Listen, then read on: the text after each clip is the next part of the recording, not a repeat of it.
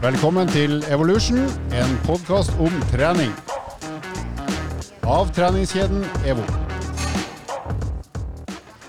Ah, ny uke, svært få muligheter, men likevel vi tar sjansen. Og eh, i dag er det bare to av de vante gjestene i studio, hvis vi kan kalle oss sjøl gjester. Vi er vel egentlig vertskap, men vi har med oss en utmerket eh, mann som vi skal introdusere etter hvert eh, når vi skal komme inn på dagens tema. Men eh, det har skjedd store ting siden sist, og da snakker jeg ikke om at korona fortsatt finnes, eller at det er drittvær i Oslo, både sør, øst, nord og vest. Men den raskeste av oss som vanligvis sitter her, Andreas Skjetne, som ser ut som han er 11,5, han har faktisk kommunisert via absolutt alle sosiale medier at han skal bli Hva da, Andreas?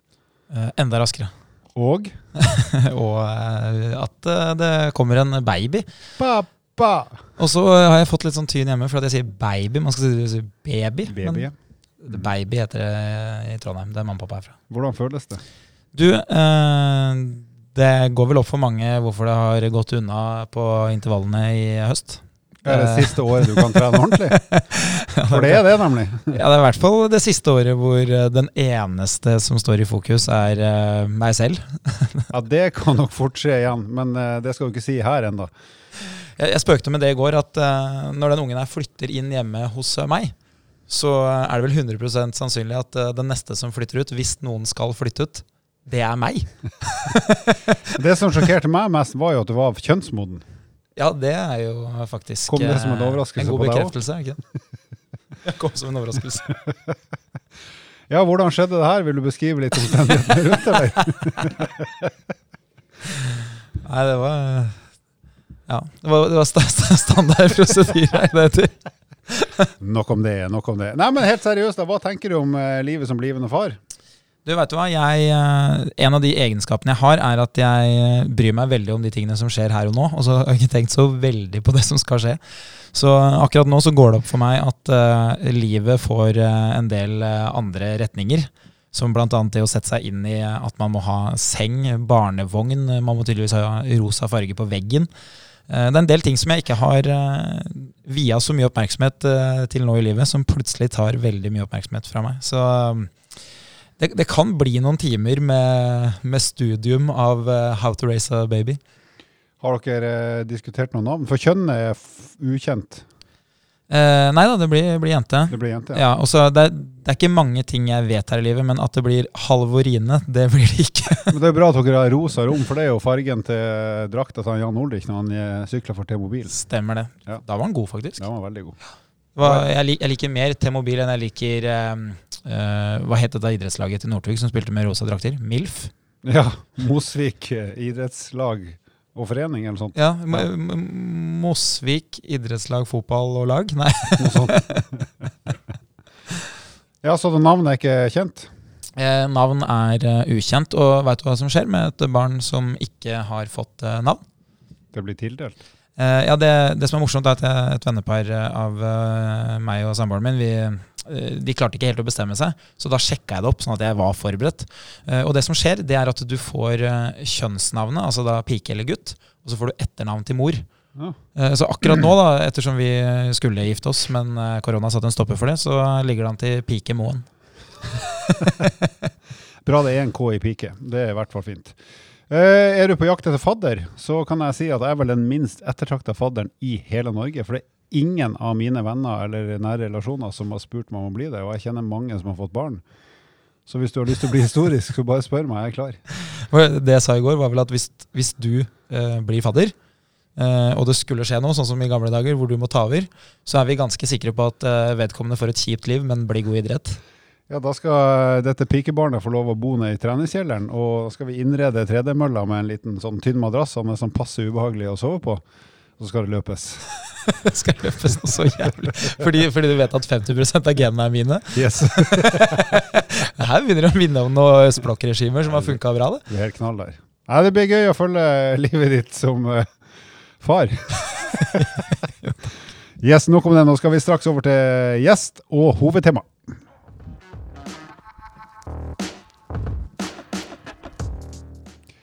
Ja, I dag har vi fått med oss en uh, gjest som rett og slett er usedvanlig dyktig, og det vet vi, for vi jobber med han i AFPT. Han heter Benjamin Christensen. Han er utdanna naprapat fra Stockholm. Stockholm er da en by i Sverige. Sverige er et naboland til Norge. Uh, han uh, har tatt PT-utdannelse i 2008 og har jobba som personlig trener siden 2009. Han har skrevet flere bøker, bl.a.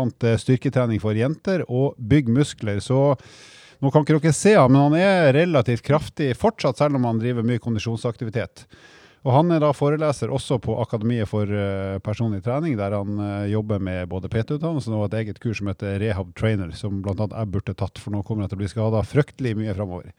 Har drevet med trening hele livet, uh, fra langrenn der du ble dratt av hund. Stemmer ikke det, Benjamin? Det stemmer.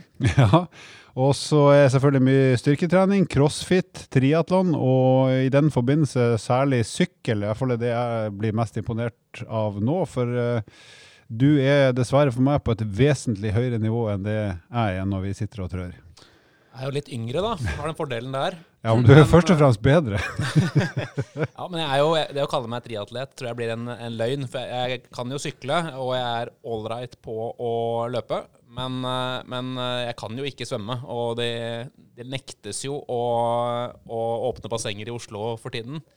Så jeg får jo nesten aldri svømt. Så en, eh, det å kalle meg en triatlet tror jeg blir nesten en løgn. Ja, men, men, men, jeg kan sykle. Ja. Det kan jeg. Du er, jo ikke, du er jo relativt beskjeden på egne vegne, så jeg vil jo si at i forhold til de fleste andre som er supermosjonister, så er du eh, ganske super. Hyggelig å høre. hvis, hvis, det er lov å si. Eh, det vi skal snakke om i dag, det er rett og slett det tittelen jeg har gitt sånn, når vi sitter her, det er kongeøvelsene kneløft Nei, kneløft, ja.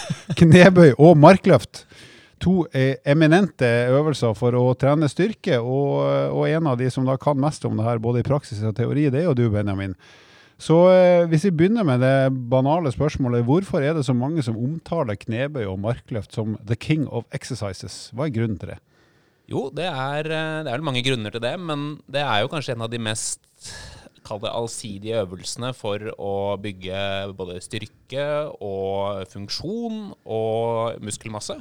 Så du, får mange, du slår mange fluer i én smekk, eller i to smekker, da, med disse øvelsene. Så jeg vil nok si at eh, skal eh, Om du har evnen til å utføre øvelsene, og kroppen din trives med dem, så vil jeg si at det kanskje er noen av eh, de viktigste grunnrammene i styrketrenings, styrketreningsuniverset og mestre øvelsene og bygge opp styrke i dem, så vil du få veldig mye av utbyttet du får fra ja, underkroppsstyrketrening i hvert fall. Mm. Hva er det som normalt sett avgjør om et menneske, uansett form, er i stand til å gjøre de to øvelsene her sånn rent teknisk eh, og kroppslig? Hvis du ser bort fra bare belastning, da, at du bare utfører øvelsen i seg selv, så vil jeg jo si at det krever et eh, moderat kroppskontroll for å kunne sette seg ned på, på huk i en knebøy og komme seg opp igjen effektivt. Og det kreves et, et, et normal, normal, kroppskontroll for å gjøre en markløft effektivt. I tillegg så kreves det jo da noe bevegelighet, kanskje noe mer i knebøy enn i markløft, og det kreves i litt ulike områder, men begge krever i hvert fall at kroppskontrollen og bevegeligheten er på plass. Og så kreves det jo en viss grad av basisstyrke, men starter du med lite vekt, så vil jeg si at styrkekravet er ikke kjempehøyt. Så det mhm. krever mest eh, denne bare grunnleggende kroppskontrollen og bevegeligheten. Ja. Og da bare for å ta lytterne igjennom det, Hva slags muskelgrupper er det primært vi treffer når vi gjør øvelsen markløft eh, og eller knebøy?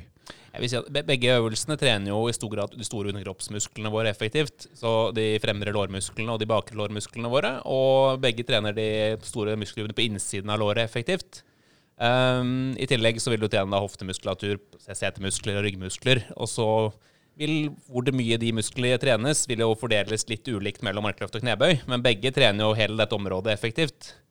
I tillegg så har jo markløft en, en, eh, Siden du holder en tung stang i hendene, så vil du jo bruke en del overkroppsmuskler for å faktisk eh, bite deg fast i den stanga. Så grepsmuskler og nakke-skuldermuskler som holder skulderbladene på plass, eh, vil jo brukes i mye større grad i en markløft enn i en knebøy. Mm. Ellers er kanskje den største primærforskjellen vil kanskje være hvor mye baksiden av låret jobber.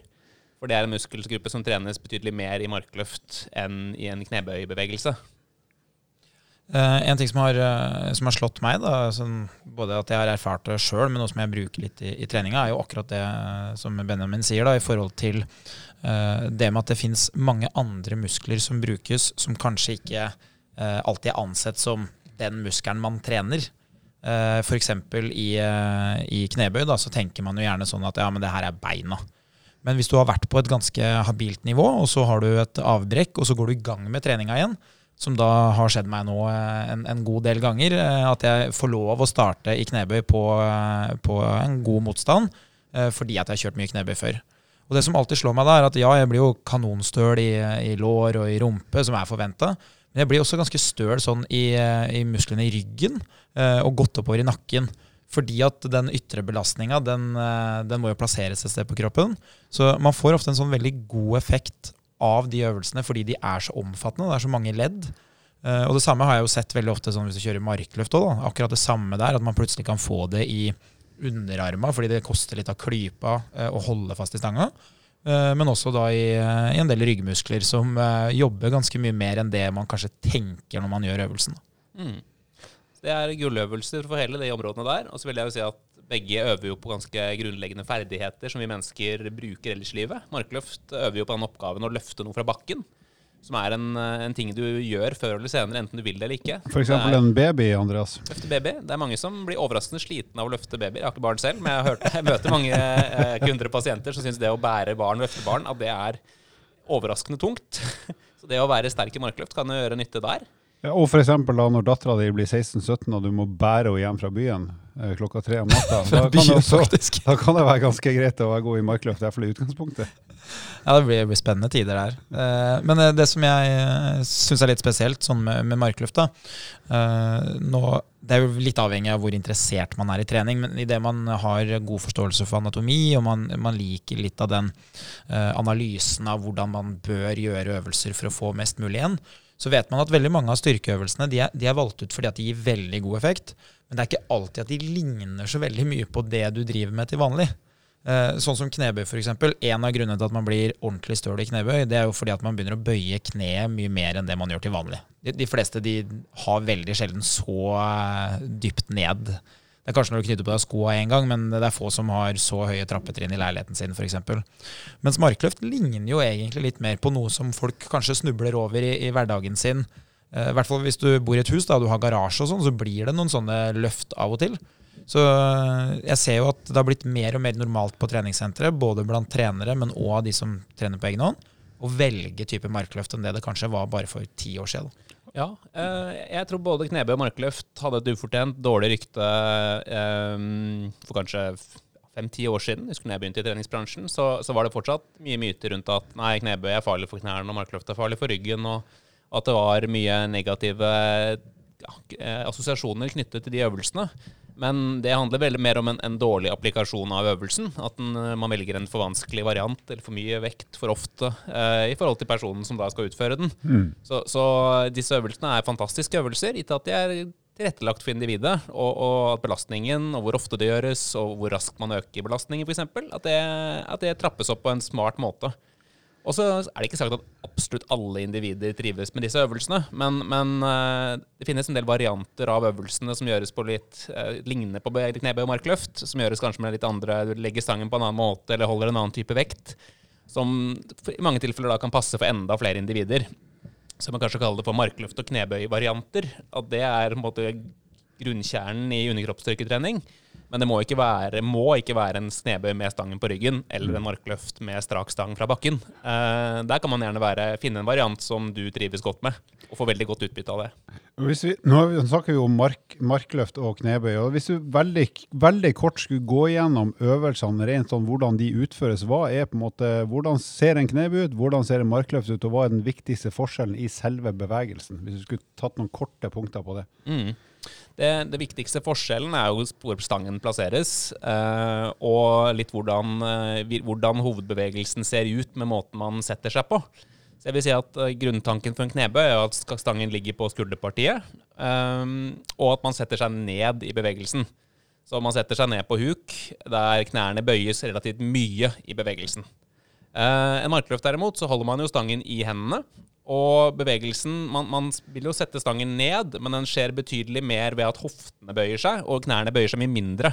Ja, så det, er, det ligner mer på det Andreas snakker om, rett og slett å plukke opp ting fra bakken, som man jo gjør Ja. ganske ofte. Og det er ganske mange måter å plukke opp ting fra bakken på, mens en markløft med stang eh, så blir man litt tvunget på å gjøre det på en, en viss måte, siden stangen vil krasje i knærne dine om du skyver knærne mye frem. Ja. Så for å bli, for å løfte ja, bli sterk i markløft, så krever det at man kan ikke skyve knærne for mye fremover, som i en knebøy, for da vil stangen ende opp veldig langt foran deg.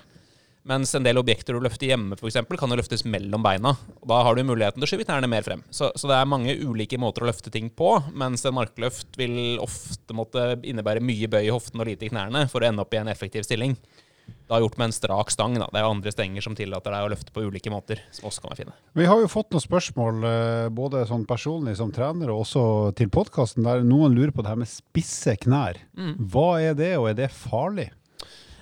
Spisse knær er vel en, en Nå vet jeg ikke nøyaktig hva de har ment med tiltak, Eh, det, det eh, begrepet, men jeg vil jo tro at det handler om at man skyver knærne mye fremover. Um, og det er jo en, en eh, når, når du setter deg ned og skyver knærne mye fremover, så er det noe som gjør at lårmusklene må gjøre en større del av jobben for å strekke ut kneleddet. Det betyr jo da at lårmusklene blir bedre tett, og kneleddet belastes noe mer. Og det er jo lett å tenke at kneleddet belastes noe mer. Det høres skummelt ut, men, men belastning er jo det som gjør at vi blir bedre og sterkere, og at kroppen gradvis tåler mer, om du finner en passe belastning for din kropp. Så det å, å kunne skyve knærne fremover i en del øvelser, så lenge du da starter med den øvelsen gradvis innenfor hva kroppen din takler, og øker litt og litt, så vil de aller fleste kunne takle å ha spisse knær veldig godt i øvelser. Men om du aldri har turt å ha spisse knær, og så plutselig skal begynne med det med en tungvekt, så kan jo det bli en brå start. Så, så jeg vil si at en knebøy uten at knærne går fremover, det, det er en veldig vanskelig og rar knebøy der man tvinger seg selv i en litt sånn spesiell bevegelse. Det er ikke noe galt, det heller, men da vil du jo gå litt glipp av treningseffekt på lårmusklene, som du potensielt kunne fått. Eh, det, som er morsomt, er at det vi er inne på nå, det er eh, en opplevelse jeg har hatt selv. Og som jeg har fått gjenoppleve med mange kunder etterpå. Eh, og det som er med trening, er jo at du trenger egentlig ikke å ha mye kunnskap for å bli godt trent. Man trenger jo bare å gjenta det man driver med. Så eh, jeg kan jo si det sånn at helt fram til jeg var kanskje eh, 16-17-18 år, så hadde jeg jo OK kunnskap om Fram til eh, i fjor, altså. Fram til i fjor, ja. Så hadde jeg jo OK kunnskap om utholdenhetsidrett. For når man driver med, med skiskyting og hjemme, da, hvor eh, faren min nå har drevet med friidrett, så, så var det jo mye mer svar på hvorfor. Mens i styrketrening, som jeg begynte med, som jeg likte veldig godt, der hadde jeg jo ingen som kunne fortelle meg hvorfor. Men jeg klarte jo å finne øvelser og gjenta de nok ganger til at de fungerte veldig bra. Eh, Men akkurat sånn som du eh, sier her, da, i forhold til det med, med spisse knær, så for meg når jeg begynte på idrettshøyskolen, så dukka det jo opp en del svar på en del ting som jeg ikke hadde tenkt over tidligere. Eh, og jeg òg tenkte jo sånn at ja, nei, folk har sagt til meg at spisse knær, det må du unngå, ikke sant? For det, det vil skape mulighet for å bli skada, rett og slett. Men så er det jo egentlig som du sier, at i seg selv så har det jo ingenting å si. Eh, bortsett fra at du bare endrer det du driver med. Sånn at hvis du har allerede etablert en treningsvane, og så begynner med spisse knær, så vil du egentlig bare flytte belastninga. Det vil bli mye tyngre for låra dine. Og når noe blir tyngre, så medfører det jo en risiko for at eh, du blir mer sliten i låra, og det spørs jo hvor ofte du trener. Så egentlig så, så er det jo kunnskapen som gjør eh, enten skaderisikoen eller effekten eller Men eh, ofte så tar man bare det for godt, da, at det folk sier, og så, så tror man på det fordi man ikke får noe motsvar. Så det at eh, knærne spisser seg litt, det skal vi ikke være redd for. De er jo laga sånn, så det er egentlig strengt tatt ganske naturlig. Men det er vel en annen ting som kan være greit å si noe om, og det er at knærne helst skal være omtrent rett over tærne. Uansett om de knærne er eller ikke, så man ikke tipper knærne innover. Ser du da knærne på en måte eh, si bakfra, da, eh, eller forfra, slik at du ser vinklingen på, på måte tærne i forhold til hvilken retning foten går, så, så ser man jo at uh, det vil jo aldri være nødvendigvis være spikerrett i samme retning. Men for å ha en effektiv kraftoverføring, så vil jo knærne være kan sannsynligvis i omtrent samme retning som tærne for de fleste. Og det er en fint sted å starte å lære bevegelsen, for det, det gir deg den grunnleggende knekontrollen som er nyttig å få med seg fra øvelsen. Um, så ser man jo på et elitenivå at det er mange som faller knærne noe inn når man uh, selv er på et veldig veldig høyt nivå. Slik at det virker ikke å være farlig i seg selv, men, men det å ha kontroll over knærne sine og, og klare å rette i den retningen du vil, og at de holder seg omtrent der, det er et veldig godt fundament for mange av disse bevegelsene. Um, så, så, det å prøve å minimere knebevegelsen tror jeg er nyttig for de fleste som trener knebøy. Uh, da altså da hvor, hvor, mye knærne går utover og innover. At de holder seg i røftlig samme retning. Ja, og så er det jo ikke sant, eh, Kneleddet er jo et uh, hengselsledd. Hvis ikke jeg husker helt feil anatomien her. Som betyr at det ser ut som en dør. da. På, det, er mitt, det er bare mitt høyre kne som er hengselsledd Ja. Venstre. Det er satt på feil vei, er det ikke det? Jo, jeg tror det. Så når du bøyer kne, så får du det i magen? Nei, så når du har, eh, har et ledd sant, som, som, da er som en dør, da, som egentlig bare skal bevege seg fram og tilbake, så er det veldig dumt å, å, trene på å prøve å bøye det motsatt vei. Det er jo det som egentlig er funksjonen. Det, det er jo ikke farlig, men hvis du skal trene mye, så vil det jo bli ganske mange ganger med trening, og det vil bli ganske mye volum etter hvert. Og da kan det være greit at man i hvert fall tenker litt over det da, når man eh, starter. Ja, Kne vil jo ha noe høyere belastningstoleranse om du beveger deg rett, uh, frem, litt mer rett og frem og tilbake. Mm. Uh, men så skal, jeg tror man ser du på fotball og finter og vridninger og hvordan man kroppen rører seg liksom i idrett, så ser du at denne vridningsbevegelsen i knærne er jo en, en, naturlig del av hvordan vi rører oss. Jeg tror man kan trene seg opp til å tåle de bevegelsene også. Uh, men, men, at det, er ikke en, det å bevisst prøve å måte, dytte knærne innover er ikke en veldig effektiv strategi for å bli sterk i knebøy. Så de fleste har nok nytte av det å vinkle tærne noe utover, og, og forsøke å presse knærne noe ut, så knærne peker omtrent i samme retning. Um, så virker det å være nyttig for prestasjonen i knebøy, um, for de aller fleste av oss i hvert fall.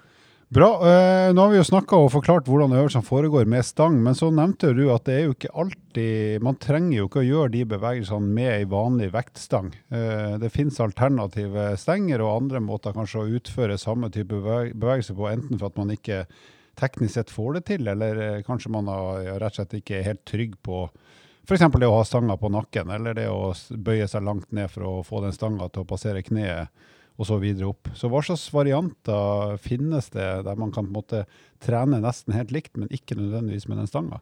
Eh, jeg syns de, eh, de, innstegsøvelsene for knebøy og markløft da, som jeg pleier å anbefale, det er det å gjøre både knebøy og markløft, egentlig, enten med da en kettlebell eller en manual. Eh, mm. Der man i knebøy da holder en manual eller kettlebell på brystet. Der man holder den nært inntil brystet i hendene.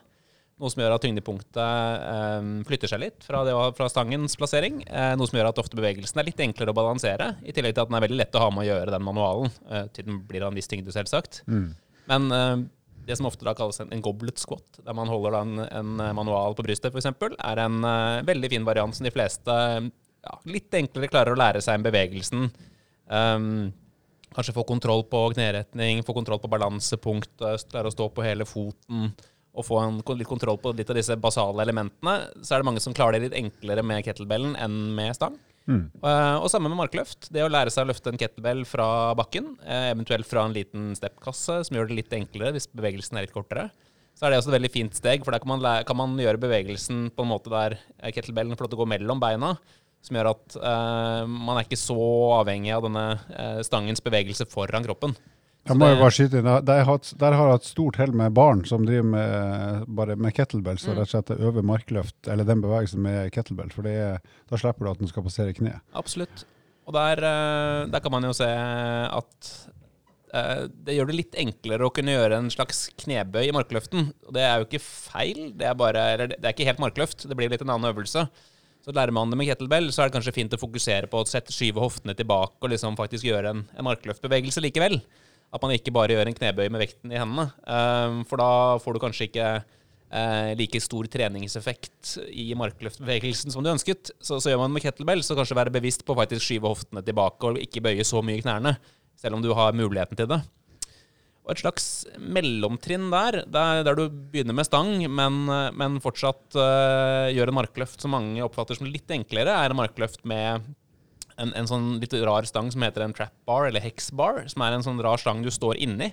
Som har da en, eh, en, en eh, sånn åtte, seks- eller åttekantet form som, du da, som går rundt deg, og håndtak på siden. Ja, Så du går egentlig inn i stanga? Du går inn i stangen, og den løy da at du løfter eh, mer eh, Du er ikke avhengig av at stangen må gå foran knærne dine. Du kan, stangen gå på en måte, Tyngdepunktet i stangen går inni, inni kroppen, ikke foran kroppen. Det gjør at bevegelsen er noe enklere å utføre for mange. og tillater å gjøre kneb, markløft med litt mer bøy i knærne, noe som mange syns er litt enklere. Mm. Eh, og det gjør jo ikke at øvelsen er noe dårligere i det hele tatt. Det er en flott øvelse som eh, gir en god treningseffekt på underkroppen. Og skulle du bare gjort én øvelse eh, og ikke ha tid til både markløft og knebøy, så vil jeg si at den, den får du litt av begge verdener, slik at du får mye, mye igjen for tiden du bruker. I tillegg til at de ofte har to håndtak, et høyt og et lavt håndtak, som gjør at du kan begynne på det høyere håndtaket, som har litt mindre krav til bevegelighet og kontroll, og så kan du eventuelt gå over til det, snu stangen og gå over til lavere håndtaket når du har utviklet litt mer kontroll og kanskje økt bevegeligheten litt etter hvert. Det, blir jo, det er én ting som gjør meg veldig glad, og som jeg opplevde i, i helga. Uh, du fortalte jo tidligere her, Alvor, at uh, Benjamin foreleser uh, for nye personlige trenere. og vi gjør jo det, vi òg. Det betyr at vi også Vi er ikke så flinke. Nei, det, det, er noe helt annet. Men det jeg får lov til av og til, det er å være sensor når de skal opp til eh, eksamen. Og På søndag så er jeg sensor på praktisk eksamen. Eh, og Det som gjør meg veldig glad, da, det er den utviklinga som har skjedd fra jeg selv hadde praktisk eksamen for over ti år siden, fram til i dag. Og Det jeg ser en veldig stor endring på, det er hvilke øvelser PT-ene, altså da de som skal bli personlige trenere, velger ut for da den eh, casen som vi har valgt. Ja, Som tenkt kundecase. Ja, og det som har endra seg eh, betraktelig, det er både casen, men òg hvilke øvelser. Så det som har skjedd nå, det er at nå er casen veldig ofte det du møter på et treningssenter. Det er helt vanlige mennesker som ønsker å, å bli litt bedre trent, eller å komme i gang med trening. Når jeg tok eh, praktisk eksamen, så var det en godt trent skiløper som skulle gå Vasaloppet. Som er noe du veldig sjelden møter på, på treningssenteret. Uh, og nå var jo casen da uh, en utrent uh, person og så eh, ser jeg da på øvelsesutvalget, og da er øvelsesutvalget Jeg må bare skyte inn der. Det er Benjamin som har laga den casen, og den casen heter Halvor. Og er singel og ca. 50 år og, og veldig svak. Nå er ikke jeg singel, men alt det, andre stemmer, alt, alt det andre stemmer veldig bra. Og det verste er at det er sant. Det er ikke tull engang. Så jeg liker det veldig godt. Det var noe av det morsomste jeg har sett. Men det som er kult, er at PT-ene velger da Eh, øvelser, som du forklarer her. Type goblet squat, kanskje en knebøy uten stang med kasse. Og det som gjør meg glad, da, det er at når jeg møter mennesker på treningssenteret, som jeg da har gjort de siste ti årene, så er det sånne øvelser man må starte med. Det er der du må møte de som skal begynne å trene. Det er det nivået de er på. Men tidligere så anbefalte man markløft med stang, knebøy med stang, fordi man bare tok det for gitt at du må jo klare 20 kg. Men sannheten er at både teknisk vanskelig, men òg litt tungt kanskje for de fleste. Men sånn Kort oppsummert så langt så kan vi vel si at uh, et liv uten knebøy eller markløft det er ikke et fullverdig liv. Kan vi være enige om det? ja, hvis man sier knebøyvariant og markløftvariant, ja. så er jeg enig. Altså. Det... Ja, bra. Men du, hva er din favoritt, da? Hvis du måtte velge mellom enten markløft hele resten av livet eller knebøy resten av livet, men ikke begge deler, hva hadde du valgt da? Det er et godt spørsmål. Uh, eller, det er et helt greit spørsmål, faktisk. Det er ikke så godt. Ja, det er men uh, det er Jeg tror kanskje jeg hadde valgt knebøy. Jeg føler jeg kanskje får litt mer ut av den øvelsen. Ja. Um, er det pga. syklinga, eller? Ja, kanskje. Ja. Um.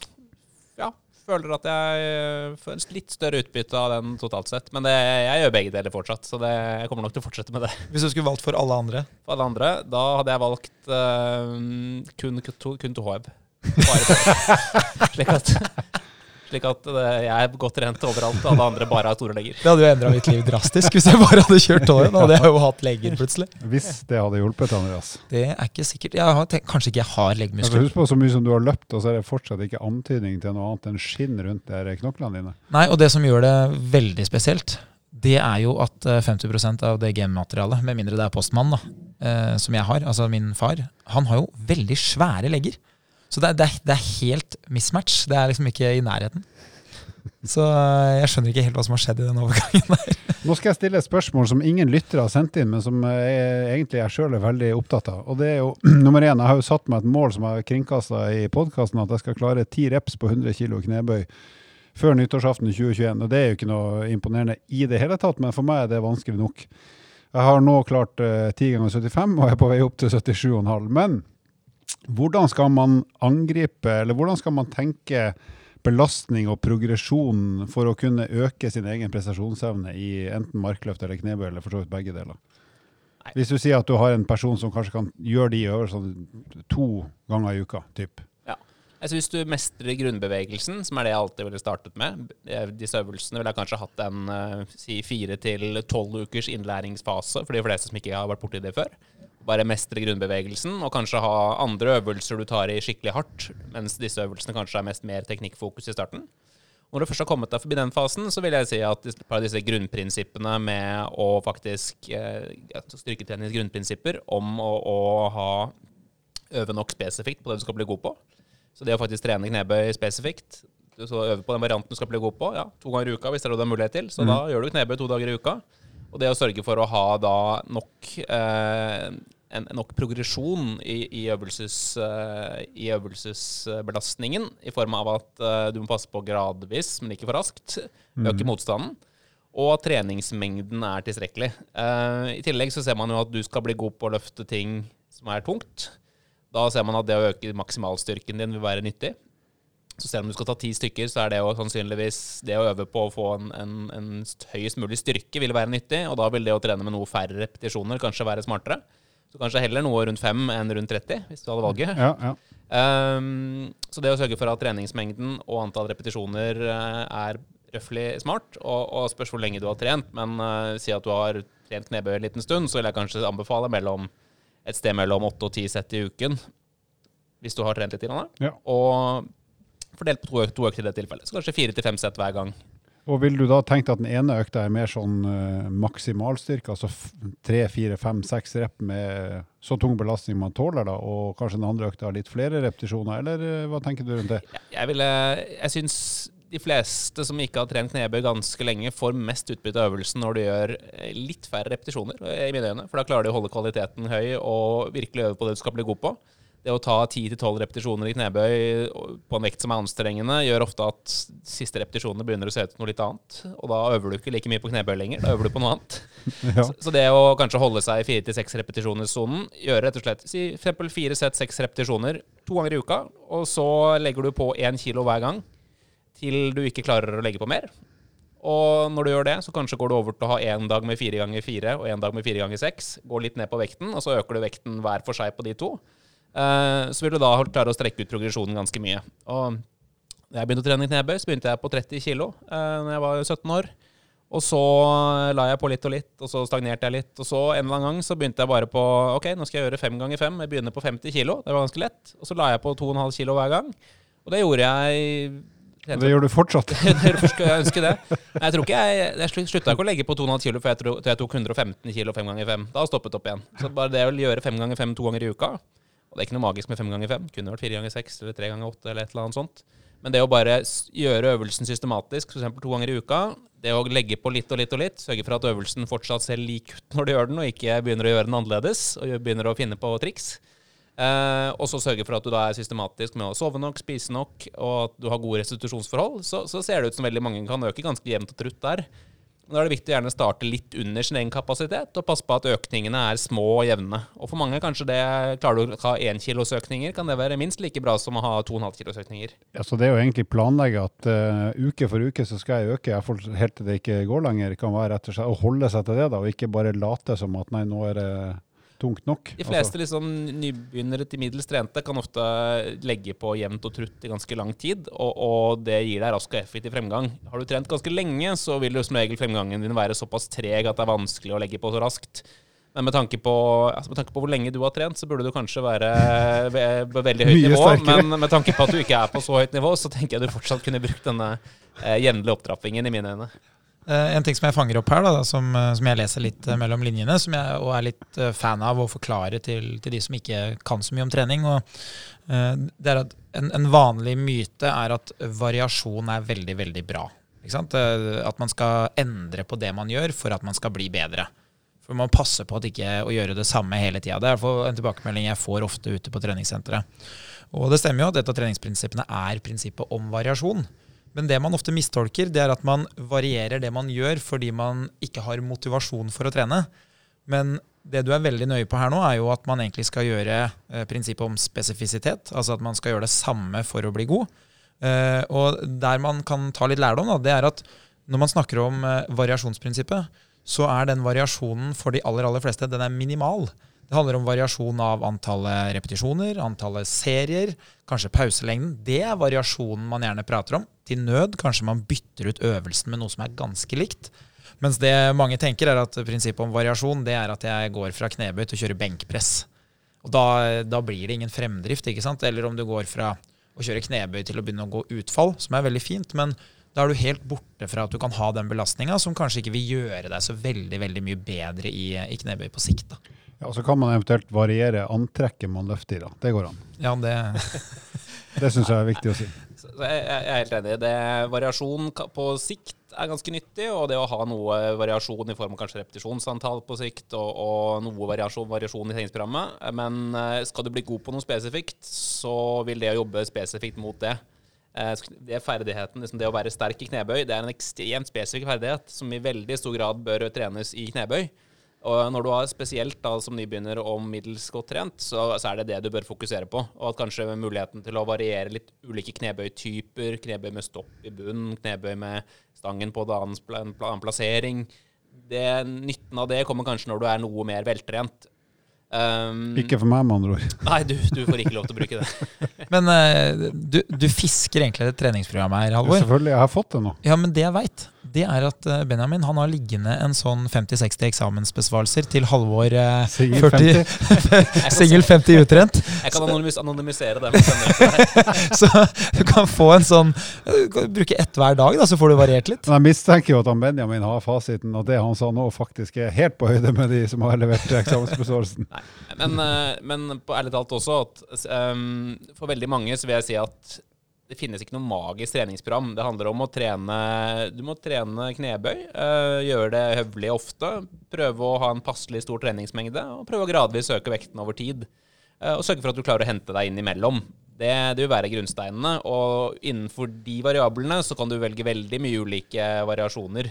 Uh, og, og liker du og syns du motivasjonen din er veldig avhengig av at du gjør litt ulike øvelser, så, så kan du gjerne bytte litt på. uh, men det vil nok kanskje gjøre at du når målet ditt noe saktere. Men hvis alternativet var at du blir lei og slutta å trene, så hadde du i hvert fall ikke nådd målet ditt. Så, så det å variere mye, hvis du liker det, så, så er det ikke noe tvil om at det også kan få deg til mål. Men det er ikke sikkert at det får deg raskest til mål. Godt poeng. Du, eh, vi skal avslutte snart eh, knebøy og markløft, men er det noen spesielle kroppslige kjennetegn på folk som er gode i knebøy og eller mark? Er det f.eks. en kroppstype som normalt sett eh, har bedre forutsetninger for å bli god i markløft, eh, og en annen type kroppslig fasong som passer best for knebøy? Eller er det hipp som happ? Man har, eh, man har en del generelle antagelser rundt det. At f.eks. det å ha lange armer skulle være fordelaktig for markløft, for da slipper du å bøye deg så langt ned. Det å ha lange lårbein, at det kanskje er ufordelaktig for knebøy, for da må du lene deg mer frem. Det er jo min unnskyldning. Det er din unnskyldning. Men når man ser litt sånn altså, Se på sånne tverrsnittsstudier av styrkeløftere på høyt nivå, så er det ganske stor variasjon i kroppsform. Altså. Det er ikke slik at alle ser ut på én måte. Eh, så det virker ikke å være noe sånn veldig kroppsformsmessige ting som assosieres med prestasjon, selv på høyt nivå. Så jeg tror de aller fleste kroppsformer kan prestere på eh, De kan prestere så bra de kan, og jeg tror ikke man skal henge seg opp i at kroppen din ser sånn eller sånn ut. Men litt ulike kropper må kanskje prøve å løse oppgavene på litt ulike måter og spille på sine styrker. Men hvis vi skulle sagt noe til de som kanskje ikke har utforska knebøy og markløft så mye, hva ville du tenkt var hva er enklest å begynne med for å komme i gang? Er det markløft eller knebøy, eller er det noen, er det noen av de variantene du nevnte tidligere? Bare for å liksom komme i gang med de, bevegelsene og den tre treninga. Jeg tror, dette er jo to bevegelser. De fleste reiser seg opp og ned fra en stol hver dag, og de fleste løfter noe fra bakken hver dag. Så dette er jo ting du gjør uh, mer eller mindre daglig. Slik at eh, kan du sette deg opp og ned på en stol, kan du løfte noe fra bakken, da kan du trene markløft og knebøy, men du, da er det kanskje snakk om å begynne med en knebøy med en lett manual på brystet og sette deg ned til en benk som er like høy som stolen du sitter på til vanlig. Starte der, og deretter prøve å kunne gjøre bevegelsen litt og litt lenger ned. Kanskje ned til der lårene er flate med bakken eh, etter hvert. Um, og bytte ut etter hvert den manualen med en stang. På samme måte markløft. Det å begynne med, et lett, eh, begynne med en 80 kilos kettlebell, da, hvis du aldri har gjort det før, og, og løfte den fra en lav steppkasse. Og så ta små steg oppover, løfte litt tyngre vekter, og, og ta bort med denne, steppkassen etter hvert, så du løfter fra bakken. Og etter hvert gå over til stang. Og bare gå steg for steg. Og så er det ikke noe hastverk. Du ikke, om du ikke skal konkurrere i styrkeløft, så har du god tid til å mestre disse øvelsene. Så ta deg den tiden, og det å bruke god tid på å lære dem vil ofte gi et stort utbytte på sikt, for da klarer du etter hvert å ta i skikkelig bra. Og øvelsen ser fortsatt lik ut. For når du begynner å løfte veldig tungt i disse øvelsene raskt, så er det ofte veldig lett at første repetisjon ser helt annerledes ut enn siste. Og da vil jeg si at du øver på forskjellige ting i samme sett. Du lærer deg hvis du sykler den ene dagen frem, fremover, eller sittende fremover på sykkelen, og andre dagen bakover, og andre dagen sidelengs, når du skal lære deg å sykle, så tar det veldig lang tid å lære deg å sykle, for du øver alltid på forskjellige ting. Skal du lære deg å bli god i en ferdighet, så bør du øve på likest mulig ferdighet hver gang. Og det er det at vekten er moderat i starten. Er ofte der man lærer best. Er vekten ordentlig tung, så må man ta i så mye på slutten at det ofte er vanskelig å, å, å opprettholde samme bevegelse. Um, men har man da øvd noen måneder, så vil ofte den sitte helt til det blir tungt. så ha, ha så, så, så, såpass lett belastning da, eller vekt at du klarer å gjøre gode bevegelser først og fremst, og ikke nødvendigvis telle antall kilo du har dratt opp på det. Nei, det, man, liksom det vektfokuset syns jeg man kan vente med til man har mestra bevegelsen godt. Uh, da vil du nok få mer ut av øvelsen på sikt enn om du rusher i gang. Og jeg begynte på 30 kg og trente på de vektene lenge, og det tror jeg var veldig nyttig for min del. For da virkelig når jeg kom på litt tyngre vekter eh, til slutt, så hadde jeg veldig god kontroll på bevegelsen og mestret bevegelsen veldig bra. Sier du nå at du er enda sterkere enn meg i knebøy?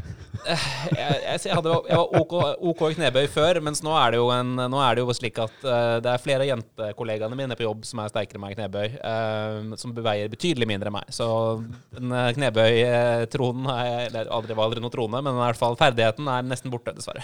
Før var det en god knebøyer, nå er det en dritgod syklist til å knebøye. Mens jeg derimot har vært en ræva knebøyer og en dårlig syklist. uh, en ting som er litt morsomt da, når man, når man nevner det med, med, moderat vekt, det er jo det er ofte det som skjer hos de som har trent en stund. Det er jo at stoltheten kan bli så, så stor når man har vært på en vekt. Si at man endelig har klart å nå 60 kg, som gir to 20 eh, kilos vekter, eller man endelig har klart 100 kg. Og så får man litt avbrekk i treninga, kanskje man ikke får den fremgangen. Og så biter man seg fast i de vektene fordi at man bare ønsker å opprettholde. Og det er jo den som kan en del om trening, vil jo unngå det, men mange av de jeg ser på et treningssenter, gjerne litt yngre gutter, de gjør det for enhver pris. Og det gir jo ofte det rare utslaget at enten så ender de opp med å stå med minimalt med volum, fordi de klarer ikke repetisjonene, eller så begynner de å tilegne seg en teknikk som Benjamin da sier ikke er eh, knebøy lenger, nesten. Det, det, ser nesten ikke ut som det det skal være. Eh, I benkpress for eksempel, så kan det jo være at du har gått fra å ha god kontroll til at det er brystbeinet ditt som egentlig eh, gjør spretten. så, så, det er sånne problemstillinger som ofte folk ikke tenker over. fordi de tenker at ja, men jeg ønsker jo å fortsette med det her, jeg har jo vært så sterk en gang. Og så tar man ikke de hintene. Så det å, å, være litt smart, bruke moderat vekt for å ha kontroll på teknikk, det er jo et veldig godt tips. Altså. Ja, og det, Har du hatt et avbrekk, så bør du kanskje starte med litt innlæringsfase igjen. Tilvenningsfase i starten. Og dette er jo aktuelt for mange som kanskje har vært, har bor i et område der treningssentrene har vært stengt lenge, og de åpner igjen. Begynn rolig. Ehm, jeg eh, hadde en periode uten knebøy nå, og trente andre øvelser. Ehm, gjør kjempemye andre øvelser, med litt noe ettbeins beinpress og noen eh, utfallsvarianter. Og så kommer jeg tilbake til knebøy. Og jeg har jo tatt kne 180 knebøy en eller annen gang. Uh, men nå som jeg begynte igjen nå, så må jeg ikke tenke på hva jeg tok for tre år siden.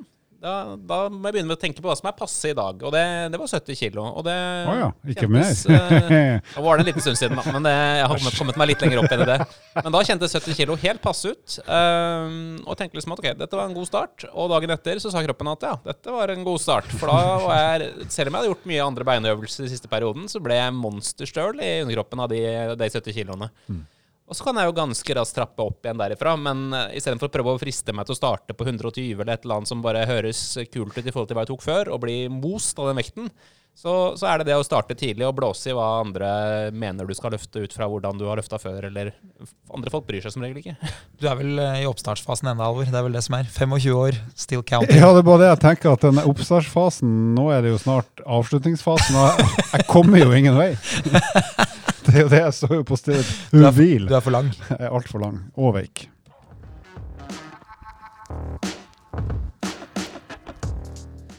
Fra markløft og knebøy så skal vi direkte over til lytterspørsmål som vi har fått fra Ingrid. og Hun har et spørsmål som uh, går på intensitet i kondisjonstreninga. og Både mine og Andreas er jo relativt kompetente i, hvert fall, i forhold til kondistrening, så jeg tenker at de skal få prøve seg på svar. Så uh, spørsmålet er rett og slett Jeg er nybegynner og forsto ut fra uh, forrige podkastepisode at det er tilstrekkelig for meg å jobbe på moderat intensitet for å oppnå resultater i startfasen.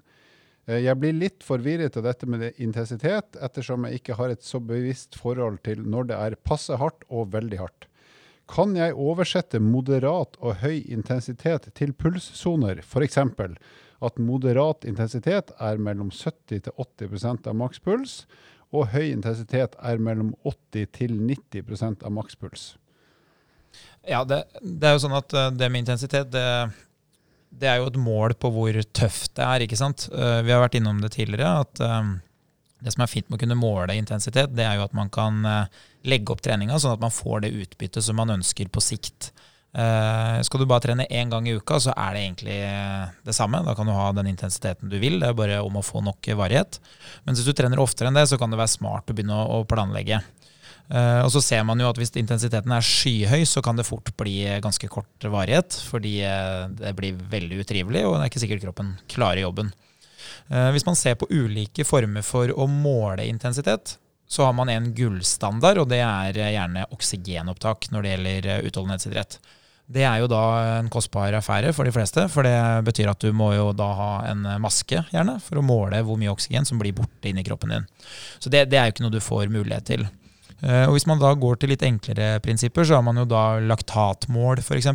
Som er da et mål på hvor mye melkesyre som, eh, som skapes i, i, kroppen av den jobben du gjør. Men det jo er ikke noe sånn hensiktsmessig for de fleste å drive med. Det er jo det idrettsutøverne gjerne gjør. Fordi da kommer de seg forbi den subjektive følelsen, altså den følelsen jeg føler her i dag. Det er ikke alltid den harmonerer med hvordan kroppen min har det.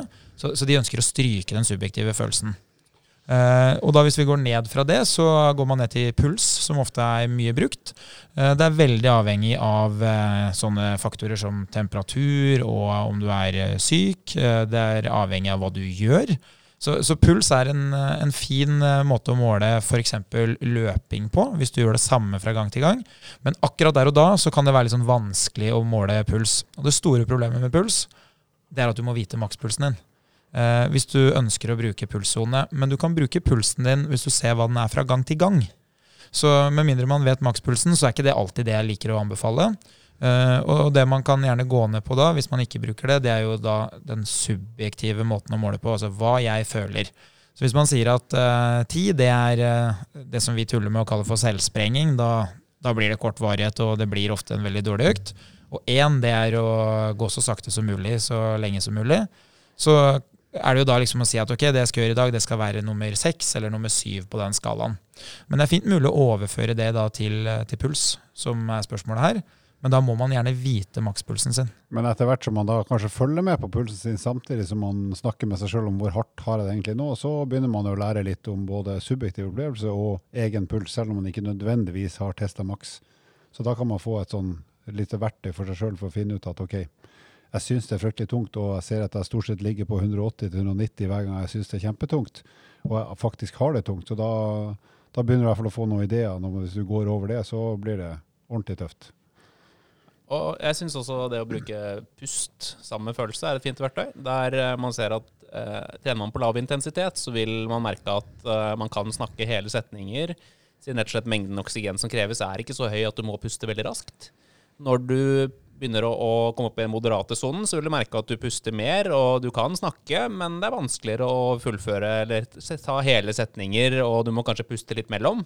Mens når du kommer til et visst punkt der kroppen begynner å jobbe ekstra hardt, så vil du se at uh, pustefrekvensen øker uh, mye, mye raskere enn intensiteten.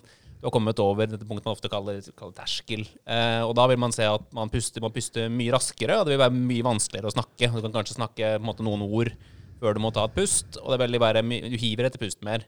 Så det å, å se litt på følelse og pust sammen syns jeg er et kjempefint verktøy som tror jeg for mange kan i mange tilfeller erstatter pulsklokke for veldig mange. For pulsklokken har jo en del eh, Eller klokka, ikke det, men pulsvurdering alene kan jo være noe som kan eh, være vanskelig å bruke som et verktøy for mange. Eh, spesielt om du ikke har da en, en veldig god makspulsmåling, for da er tallene du går på på bakgrunnen, er litt Ja, de er ikke så gode som man kanskje skulle tro.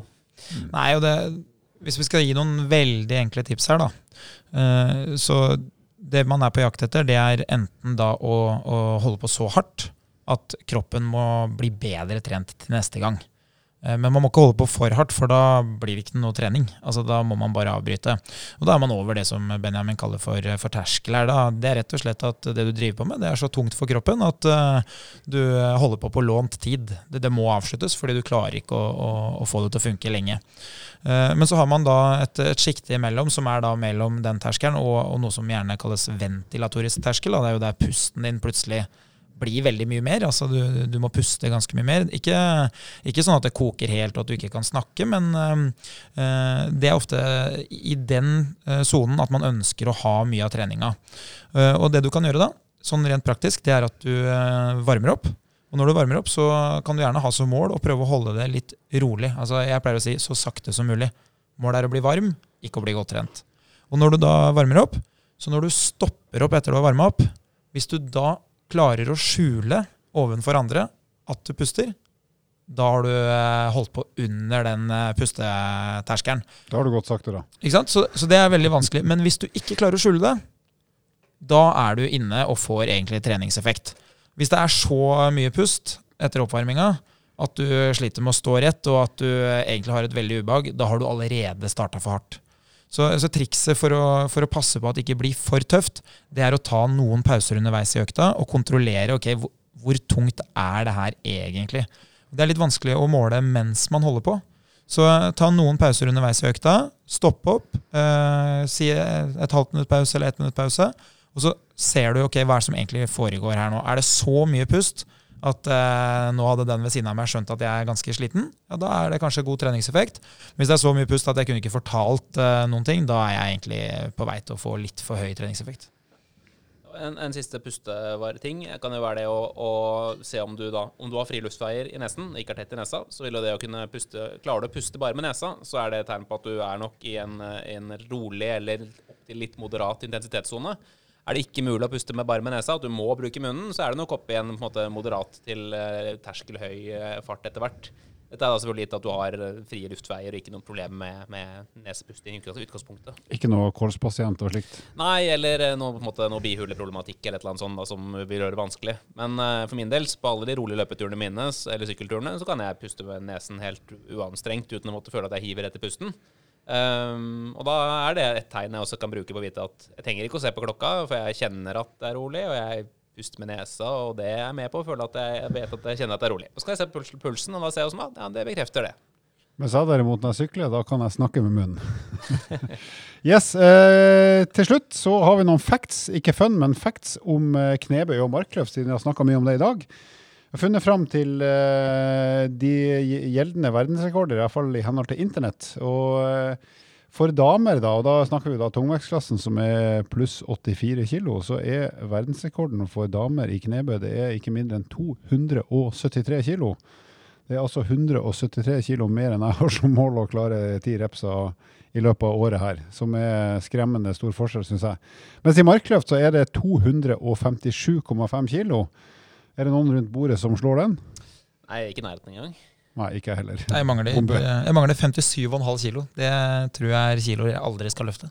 Jeg, har, jeg mangler 112,5 kilo på markløftrekorden. Jeg mangler vel uh, Hva blir det for noe da?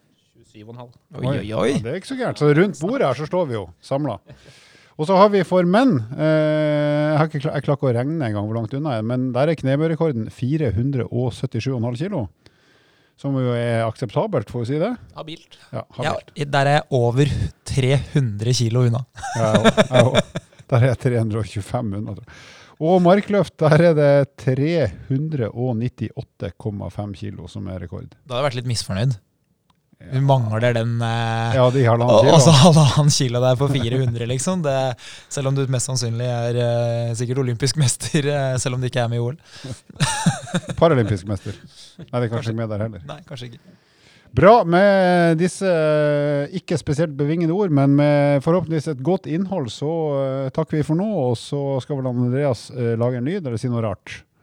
Sayonara. Vil du vite mer om trening, abonner på podkasten og sjekk ut vårt treningsmagasin på evo.no.